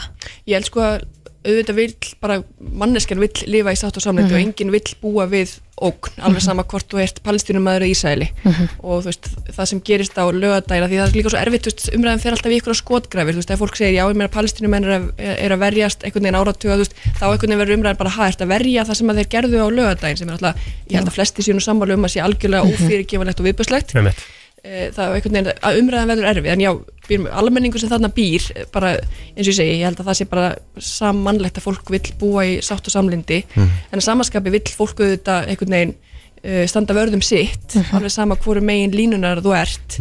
Og deilan er búin að eiga sér á sér svo langa sögu að ég held að sko allar friðarumleitanir að þess að maður verður að vera eitthvað ólega svart sít þá eru þar alveg erfiðar. Og að því að sko sagan til dæmis var gert hérna, friðarsamkumlega sem er kent við Oslo árið 1993 þar sem að Ítzak Rabin sem að þá var fórstræðara Ísrael og Yasser Arafat sem við munið eflust eftir þá var sko, þá var komist þeirra ákveðinu samkomulagi um endurhemtingu lands og annað slíkt en þá voru sko bá, bæði Ísraelsmenn og palestinumenn svo ósátti við þá niðurstöðu. Þeim varst báðum ekki nóg að gert palestinumenn vildu fá meira og Ísraelsmenn voru ósátti við að það veri haldinu verið að gefa land tilbaka þannig að þetta er einhvern veginn svo rosalega erfitt. munar líklega aldrei koma að staða niðurstöðu kannski. Nei og maður er einhvern veginn óttastuð þetta bara hvernig þetta fari núna því að staðan núna er svo að, sagt, Hamasliður eru ennþá á Gaza ásamt fullt af að og Ísraelsmenn eru bara búin að sérst, þeir eru komin með herinn sinn bara algjörlega umkringja svæðið. Og það er verið að býða eftir því aðtöða hvort að veist, þeir vilja einhvern veginn reyna að hreypa Ísraelsmönnum yfir til, hérna, Ís, yfir til Egyptalands. Og ef að það tekst þá veit maður ekki hvað þú veist hvers konar blóðbað býður sko. Ok, en þá kemur spurningin upp á að reyna ekki vera svartsýn en þú veist, bara með það sem verið í gangi í Rúslandi, Úkrænu og svo þetta, þú veist, einhverju spyrir sig er bara, er, er bara að fara að koma mögulega styrjöld?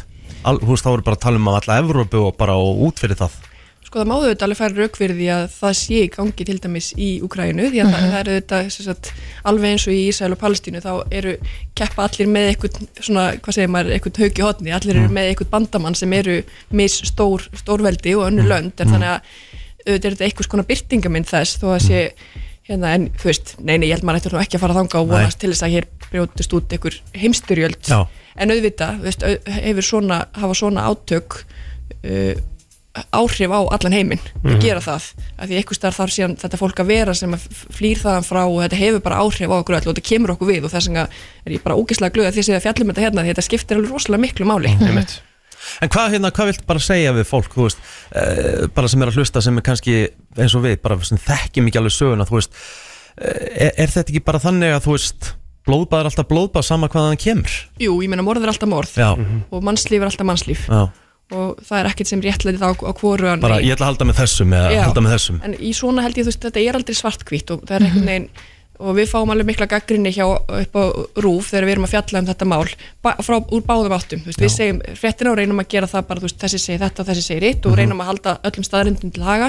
Og við fáum alveg bæði gaggrinni frá þú veist að við séum að draga taum annars vegar palestinum mann og hins vegar Ísæla þannig að, veist, ég myndi hvetja fólk bara til þess að kynna sér málið, ég held að það sé og það er kannski eitt sem er gott að koma inn á því við fáum mikið einhvern veginn aðtöðasemtir og þið, þú veist, eflust líka bara maður sér svo mikið, það er svo mikið til, svo mikið á, þú veist að þú getur fundið á- sko, einmitt bara, herðu, ok, já, vá, nú er ég bara alveg komin hérna Ísraelsmein, bara, vá, nú er ég alveg komin Já. Palestínumein, og svo þarf að vanda sig líka bara hvað, þú veist, hvaðan eru upplýsingarnar að koma, Koma. mm því það er svo ofsalega mikið í umferð af myndböndum sem er að segja þú veist, þetta er þessi að gera þetta. Já. og þú hefur enga fórsend til þess að meta þú veist, þú hugsa, ok, þetta er ógeðslegt en þú veist, hvað er þetta tekið, hver setur þetta fram? Í hvaða tilgangi, hvena, þannig að það Maður er hefur meira að séð myndbönd af því það sem að uh, fólk á að vera að taka upp einhver feik myndbönd af einhverjum dauða ungra barna skilur, þetta er bara svona, þetta er komið út sem eitthvað þvælu Og- allstæðir samfélag Og ég las meiri segja að ástæðan fyrir að þetta hafi gerst er að Ísraelsmenn hafi vitað þessum þegar þeir bara vilja láta þetta gera svo þeir geti gert Já, ennþá stærri árás. Maður er að- maður að lesa svoleiðis sko. algjörlega og það er,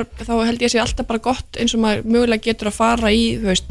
eh, fjölmiðla sem að hérna, hvað segir maður fólk treystir og reyna bara meina, og vísindavefurinn með alls konar áhugaverðar hérna, greinar um þetta þannig að þú veist það er að leita svona góðra upplýsinga mjög víða og ég held að maður bara getur aldrei kynnt sér hlutina nógu vel.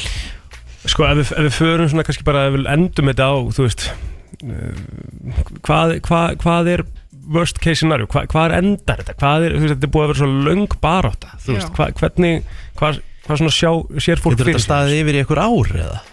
Já, það getur það auðvitað og er búið að gera það náttúrulega ára tugi Já, en ég er að tala um bara svona.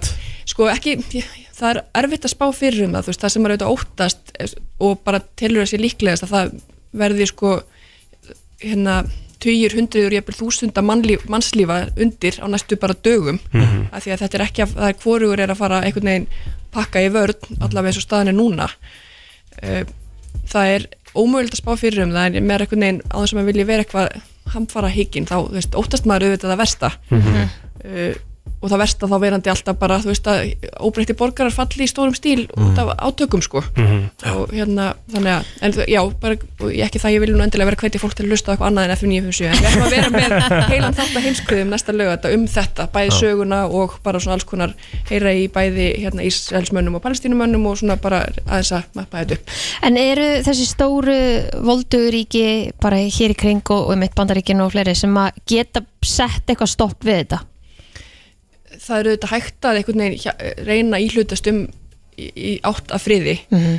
eh, og það eru auðvitað hægt og það er eitthvað sem að þú veist auðvitað allir ættu að reyna að gera. En ég held að staðan sé núna orðin svo að það er einhvern veginn Komum bara past er it. erfitt að bakka en, en ekki ómögulegt. En það er einhvern veginn þyrti að því að þú veist eins og ég sagði það er svona uh, spennan er orðin svo rosalega mikil. Og þetta á sig svo langa sögu að maður veit ekki hvernig sko já bæði annarkort, bæði Ísraelsmenn ætti að sætta sig við það sem gerðist á lögadaginn og eins palestínumenn að sætta sig við það sem hefur gengið á undan farin ár En- þess viðbröðin, þannig að það er einhvern veginn En með þetta stríða því að svo, var svo mikið rætt varði Rúsland og Ukrænu, það væri svo mikla hagsmunir, þú veist, fyrir með þessi stóru ríki, það er hérna ál hér eða, þú Já, veist, já. er eitthvað svoleiðis þarna? já, já, það er það alveg Tap allir í stríði Já, það tap allir í stríði, það er alveg rétt af því það er líka sko, það auðvitað þú veist líka bara smittar út frá sér, það mm -hmm. bitnar alltaf verst á þeim sem þarna búa. En svo auðvitað, um, eins og ég segi Egiptari, landamæri, þú veist það vill enginn heldur vera með landamæri að stríðsjöðum löndum þannig að það einhvern veginn tapa allir á því eins og þú segir ekki, það er, það er enginn sem græðir Birta Björnsdóttir frá uh, Rúf, takk fyrir að koma, takk fyrir að upplýsa okkur og við minnum Og hvað er uh, hægt að hlusta á heimskvöður mitt? það, hann hefur verið útarpað á rás 1 að eftir hátægisveitur á lögdaginn svo alltaf bara í öllum hlaðvarpsveitum það er strax á eftir á lögdag Gekjað, kæra þakki fyrir komuna. Takk fyrir mig. Hér er komið að lægi dagsins í brennslunni Það er nefnilega það, uh, við ætlum að uh, skipta alveg um gýr og við ætlum að fara í svona smá uh, bara músík og gleði og við ætlum að fara í flottulega keppnin okkar. Já, en okkur varstu með lag dagsins að undan á hann fór mér Afsakið. Já. Flottulaga keppnin í brennslunni. Þú velur þitt lag. Ringdu núna, símin er 511 0957 Maður er svona smá síður eftir umræðina Það er bara nákvæmlega þannig, maður er bara með skamhlöp í haustum sko. já, en við erum að fara núna í aðeins, já, ætlum að það er 50 dagur og sjálfsögð það þannig Það fyrst upp í 5 atkvæði. Við erum í lögum frá 2002 Jafnvel í síðast skipti. Já, já Er það ekki? Jú. Gætu þurft að henda okkur yfir til 2003 núna næst. Já. Þá erum við búin að fara þriðsverð 2002 Herðu, ég ætla bara að byrja. Þú ætlar að byrja? Ég ætla bara að henda mér í Chester Ben. Byrjuðu þið svona snemma? Já, við byrjum á höfn. Já. Gott ef ekki, Já. 2002 Það vorum við búið með 2001 Nei, við byrjum, við byrjum vikun áður. Vikun áður en það, já, getur verið. Já. Það verður oft svona útþynt. Já Þú ætlar að byrja. Já, ég ætla bara að fara í Chester Bennington og Mike Shinoda og félagi Linkin Park. Mhm. In the end Verður ekki mikið betra. Vá.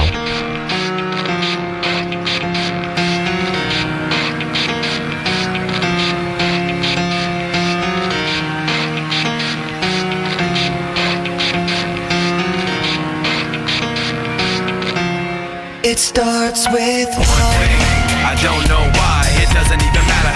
Hard you try. Keep that in mind. I designed this rhyme to explain it. Þú vilt fá að heyra In the end? Þá þarftu bara að kjósa lagi Já, mér finnst þetta svona smá þungt svona í ljósu umræðina sem við erum búin að vera í en, en hérna, það er náttúrulega bara mín skoðun.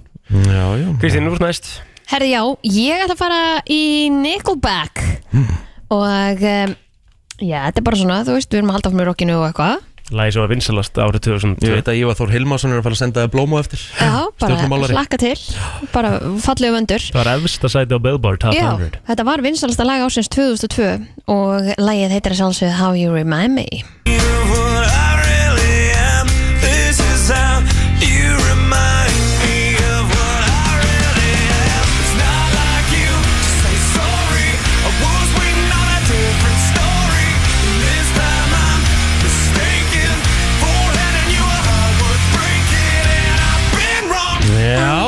Strákandur í Nickelback. Sko ég ætla að henda mér í nostalgíufílingin Já. uh, Ég ætla að fara í Phantom Planet og, og lag sem að vara sjálfsögðu titilægi eða svona þemalægi í, í þáttunum The OZ Ég California. Ætla að fara í California og hérna, þetta er bara svona létt og ljúft og á vel við á þessum 50 deg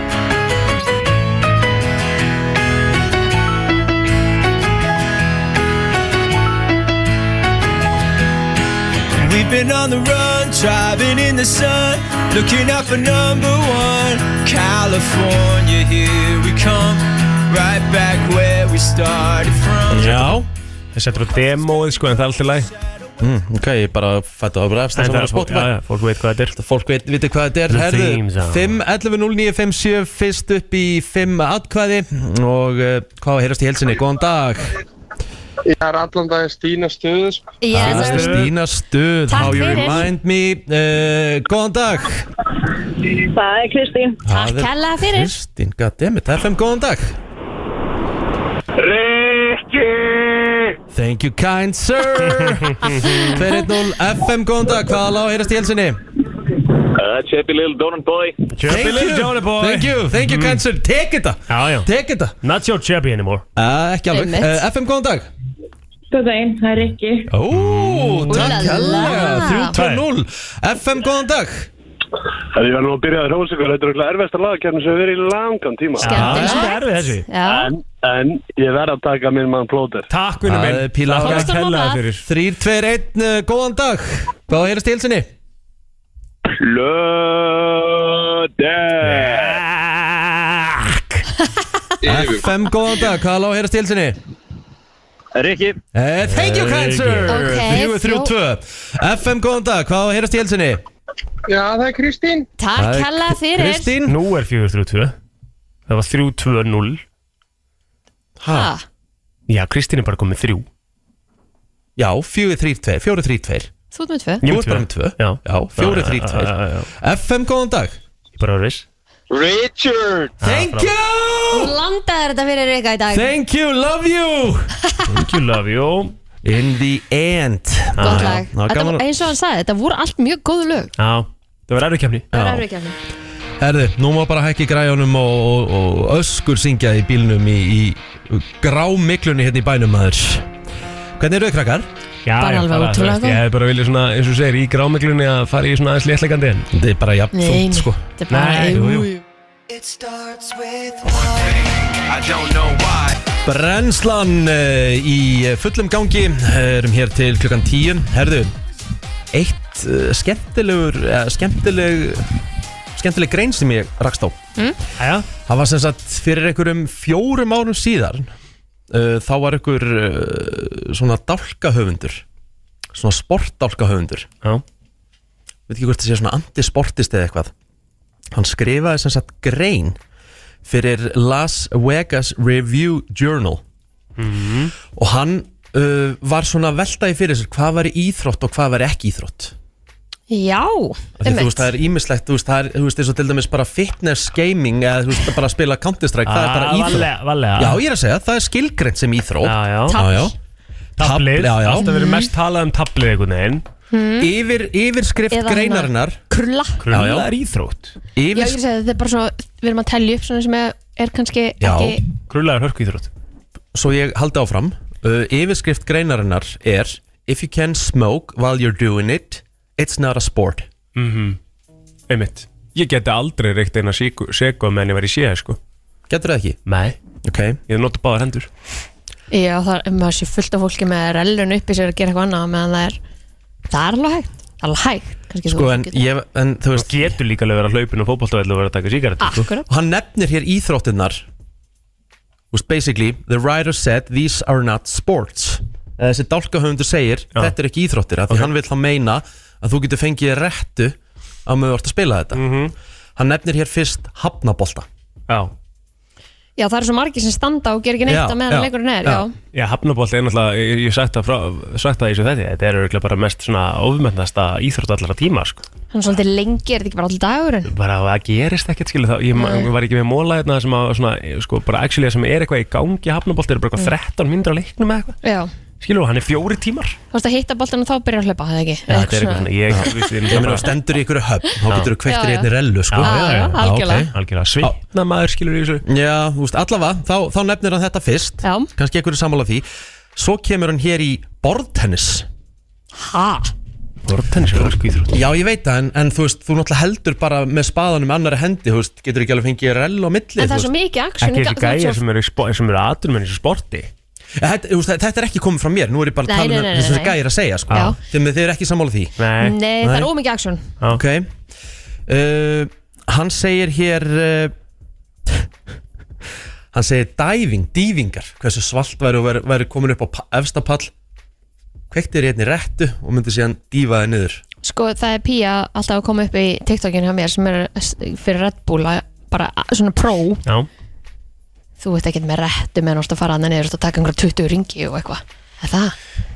Þú veist, dývingar eru bara ákveðinir, ákveðin tegunda fimmleikum, sko. Já, við mitt Þú veist, meina, þú ert bara að lappa upp á okkur pall samt, svo ertu bara að dífa þér Veistu hvað pallurinn hár? Já, ég veit að þú bara lappar upp á pallin svo bara kveikjur í einni en, og... en þú ert samt ekkert bara að dífa þér, þú ert bara ekkert að hoppa og bara hausin undan og dífa þér, sko. Þú ert að taka bara, þú veist, bara hörku æfingar sem að En fólk þarf að ekki vera, verið með þú ert restin í kæftinum og gera það? Nei, sko, að því að þú þarfst að passa að sko lenda rétt þannig að möl brjótir ekki þér öll beini líkamann sko. Já, já, já, já, hann talar um allavega þetta. Vissulega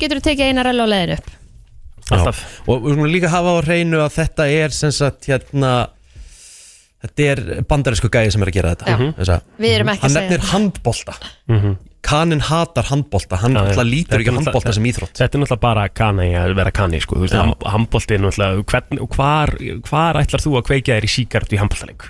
Það er ekki hægt Bara, þú veist, Þetta er ef til þú dæmis ert bara að bull. meta þetta út Þú frá því, getur það í þá dýfum, þú þekkir- getur það Já, já, en þá þekkir ekki handbolta til þess að segja að þú getur kveikt þér í seku eitthvað stær, sko. Kraftliftingar nefnir hann Þú veist Þetta var komandi í þælu. Nei, ekkur, hvað minnur En ég meina þú veist, þú kveikir í einni, færir nokkra smóka, leggur hana frá og svo liftur upp ekkur, ekkur þyngd En þá getur þú alveg sagt það við handbóltan Þú tekur þér eina rellu og hleypur síðan inn vall Já, bara í, í Þú í rauninni sa-. Já, þú getur í rauninni sagt að Getur þá sagt um þetta um allt allt. skilur En þú Já. gætir, sko, nei, ef Hann þú er ert að með- lifta þá er það svo ógist að þungt og þú öskrar alltaf þú gætir ekki verið með réttun uppi þér að meðan þú ert að lifta allavega Já, hann er að tala um það, þú getur bara verið með hann og með þú ert að stunda þetta Já, já ekki þú ert að fara í eitthvað max en já, kannski, ok Meira? Sko, uh, ég veit ekki hvað þetta heitir Archery, er það ekki bákfimi? Jú. Jú, það er alveg hægt, þú ert bara með réttin uppi þér og svo pjú. Já, ég, ég skal samþykja það Þetta er allt sem að spurning um skilgrinning og íþróttum Skilur, þú veist, minna Axarkast nefnir hann Já, já Þú hefur þurft að vera með rétt uppi þér þegar þú varst að kasta þessum, kasta öxunum sko.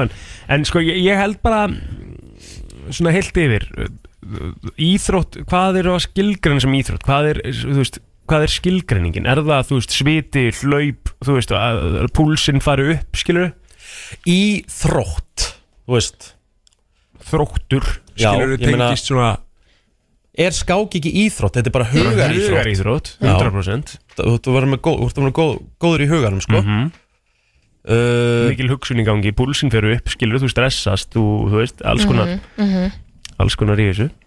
Má þetta ekki bara allt vera íþróttir eða? Jú, jú. Ha. Og fáið réttið langar. Já, er það ekki bara svona bottom line Þó í við séum auðvitað ekki að mæla með því. Nei, alls ekki. Þú veist. Mælum ekkert gegn því heldur sko. Og flows your boat. Gerðu bara, svo- gerðu bara svo vilt. Já, þitt líf Sá virt þetta smá. Við komum þér á fætur alla virka mótna milli 7 og 10 Brennslan á FM 957 Það er komið að þeim virta. Vissir þú að abar kúka bara einu sinni í viku? En vissið þú að selir gera í raun ekki neitt? Tilgangslösi móli dagsins í brennslunni. Já.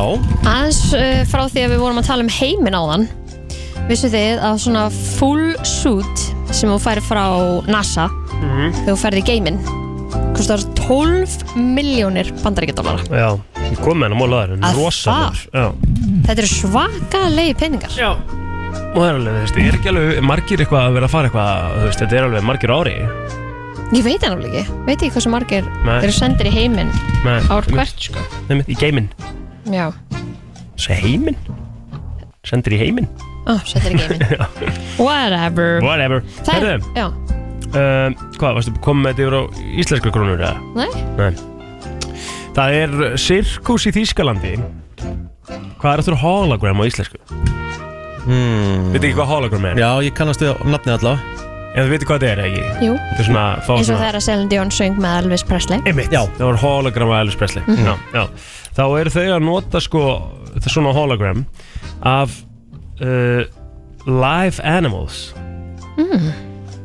Til þess að vera með svona cruelty free magical experience Mm. Svolítið falleg hugsun. Svo er annar dýragarur í Kína þar sem að dýrin ganga laus Já. en manneskjurnar er í búrum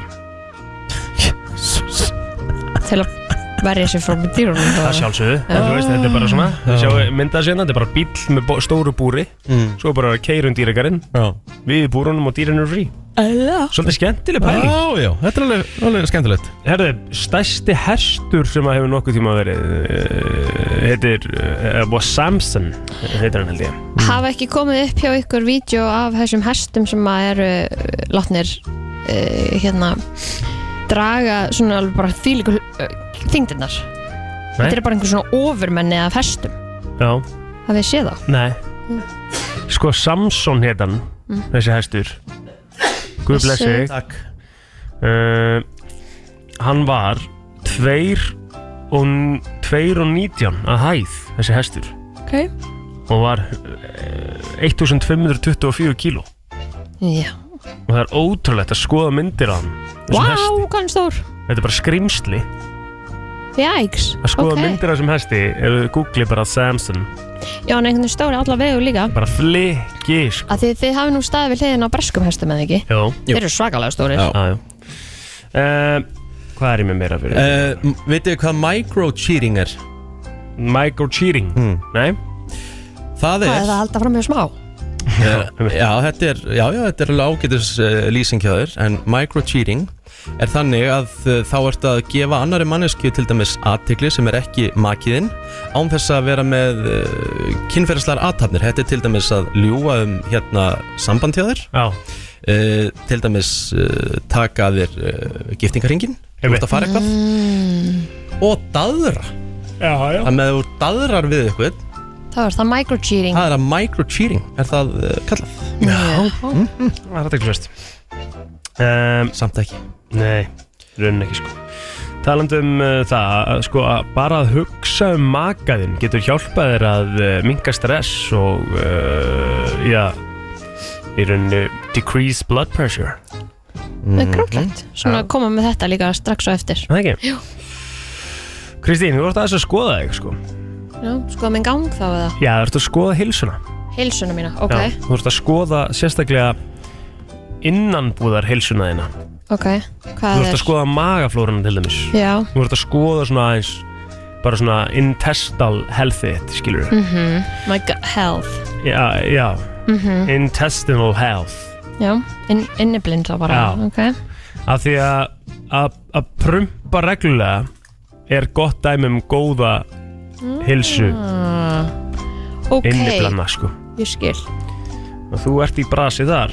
Já, mm, það er rétt. Erum, við ekki, erum við ekki bara flott? Ég held að við séum bara helviti flott sko. Nokkrir mólar Bara- svona? Já, ég bara, þú veist, við erum bara alveg, þú veist, við erum bara pínu drenu eftir þáttin og þetta er náttúrulega hræðilegi mólar og þetta er ekki sérstakt en hérna við erum bara pínu drenu eftir þáttin í dag. Þetta er vera rosalegur þáttur. Það er búið að kysla, hvað spilum við mörg lögum með 8 og 9? Þrjú. Það er ekki eðlilegt Þetta verður einn af þeim sem að mun koma fram í eldúspartíi FM 957 sem verður annan november á Lux Það var bara verið að ofinbera Já, Ú já, la já. la Já, já, já, já. Fólk ætti kannski bara að vera að fylgjast aðeins meira með og hlusta aðeins meira og þá kannski tísu við þetta ennþá meira Já, þetta er bara uh, litla veislan sem þetta verður, ég minna við erum bara með, við getum sagt frá því að við erum með fimm tónlistræðri klár sem eru tjúluð Já, hvert eitt og einasta er bara Já. rosalegt þannig að Já. hérna, þetta verður svakalegt núna annan november og hérna, við munum alveg henda út miðum og svona. Fymtu dagur Já, Þannig að þetta verður, þetta verður gaman fymtudag stuð og En áður en að þetta eldursparti okkar verður verður við með Halloween party á Já. Lux líka þannig að hérna 27. oktober Mhm, Þannig að byrjið að panta ykkur búning Já.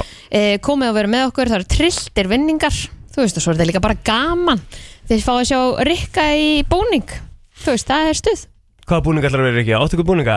Nei, ég þarf að panta mér hann og ég þarf að hugsa hvað ég þarf að vera Mhm. að ég segja Halloween þá, þú veist, ég myndi ekki komið svo, þú veist Ben Stiller í, í Dodgeball, sko, ég myndi, þú veist, maður þarf að vera eitthvað, þetta er Það er að vera eitthvað scary. Þetta þarf að vera eitthvað smá skeri shit, Er það? Já. Er það ekki? Það er Ég- ég veit ekki, ég er að spyrja. Alltaf. Ég segi það Já, 100% ok, Halloween þarf að vera skeri Þú getur bara gert hvaða búning sem er skeri með Já, sletta já. blóða á hana eitthvað skilur Ætti þá, að getur verið Ken Já, en ef hann Bara, bara, Blurry Ken, Já. búið að drepa Ken Já, ok Já. Eitthvað svo leis Erum við búin í dag? Já, við erum búin, hvernig er dagurinn ykkar? Uh, það er bara uh, næs sko, ég er að fara hérna að fund og svo ætlum ég í padel og svo ætlum ég að gera kjúklingin í kvöld hérna, mm Mhm. -hmm. hundagsbarbekjú kjúklingin og með korflexinu með korflexinu og svo bara einhver stemming, stuð og stemming sko Mhm. hmm. Já, En þú Kristín? herðu, já, það er sömulegis bara að vinna hér fram eftir og svo erum við vilja eins að fara að gera og græða heima og hérna sitja eins upp og stilla og svo bara elda eitthvað gott hvað, mm. hvað, ætli, hvað ætti ég að hafa í matinn? Hvað þú verður með í matinn ekki?